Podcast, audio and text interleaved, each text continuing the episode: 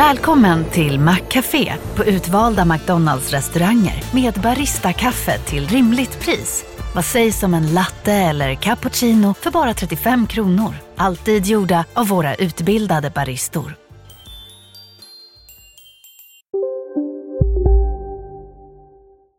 Hej och välkomna till Lisa läser. Det är jag som är Lisa och idag ska jag läsa sagan om Tummeliten. I utkanten av en stor skog bodde en gång för länge sedan en fattig skogshuggare och hans fru. De hade sju söner. Den yngsta var också den minsta av dem. Han var så liten att de kallade honom för Tummeliten. Ett år var det så illa ställt att skogshuggaren och hans fru inte hade någon mat åt barnen. Förtvivlade bestämde de sig för att lämna sina barn i den djupaste skogen, hellre än att se dem svälta ihjäl här hemma. Kanske skulle barnen hitta hem till någon som hade mat åt dem. Men Tummeliten hörde alltihop. Nästa morgon, medan alla andra fortfarande sov, gick Tummeliten ner till floden. Där plockade han sin lilla mössa full med små vita stenar. Sedan återvände han hem utan att väcka någon. Tummeliten, som var en finurlig pojke, hade fått en idé.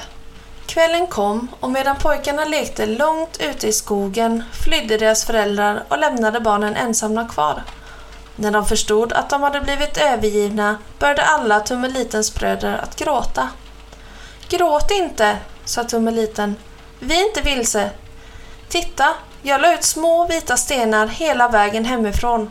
Om vi följer dem tillbaka kommer vi hem igen. Under tiden satt skogshuggaren och hans fru och jämrade sig i sin stuga. Godsägaren hade hört talas om familjens nöd och tittat in med en slant för att hjälpa dem. Men barnen var ju förlorade i skogen.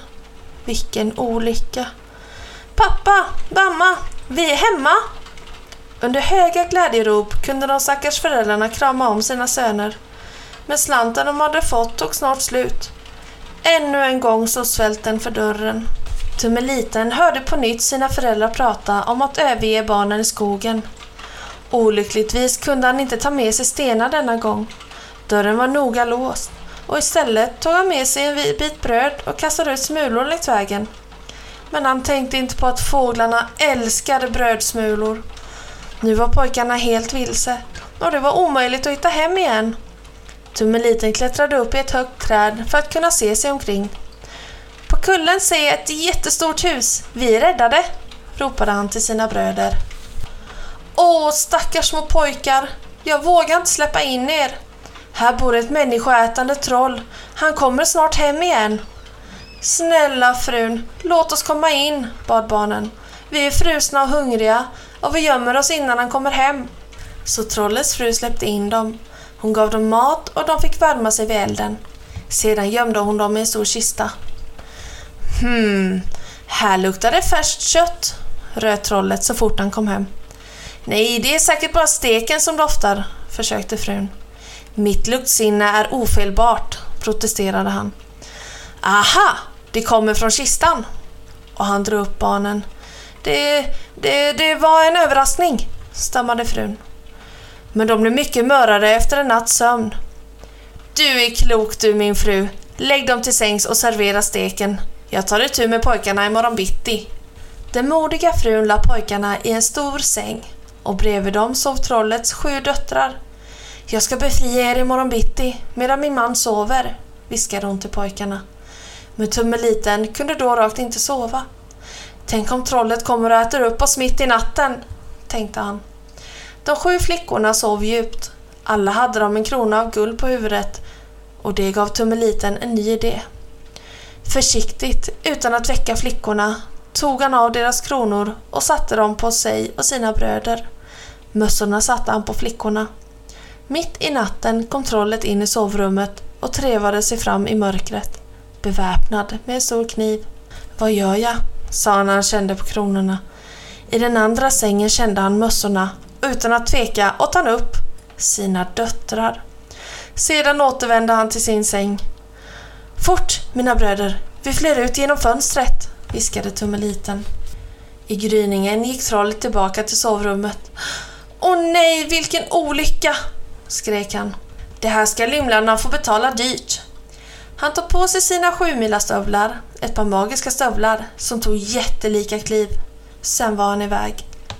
Efter några timmar hade trollet varit runt i hela landet men inte hittat pojkarna.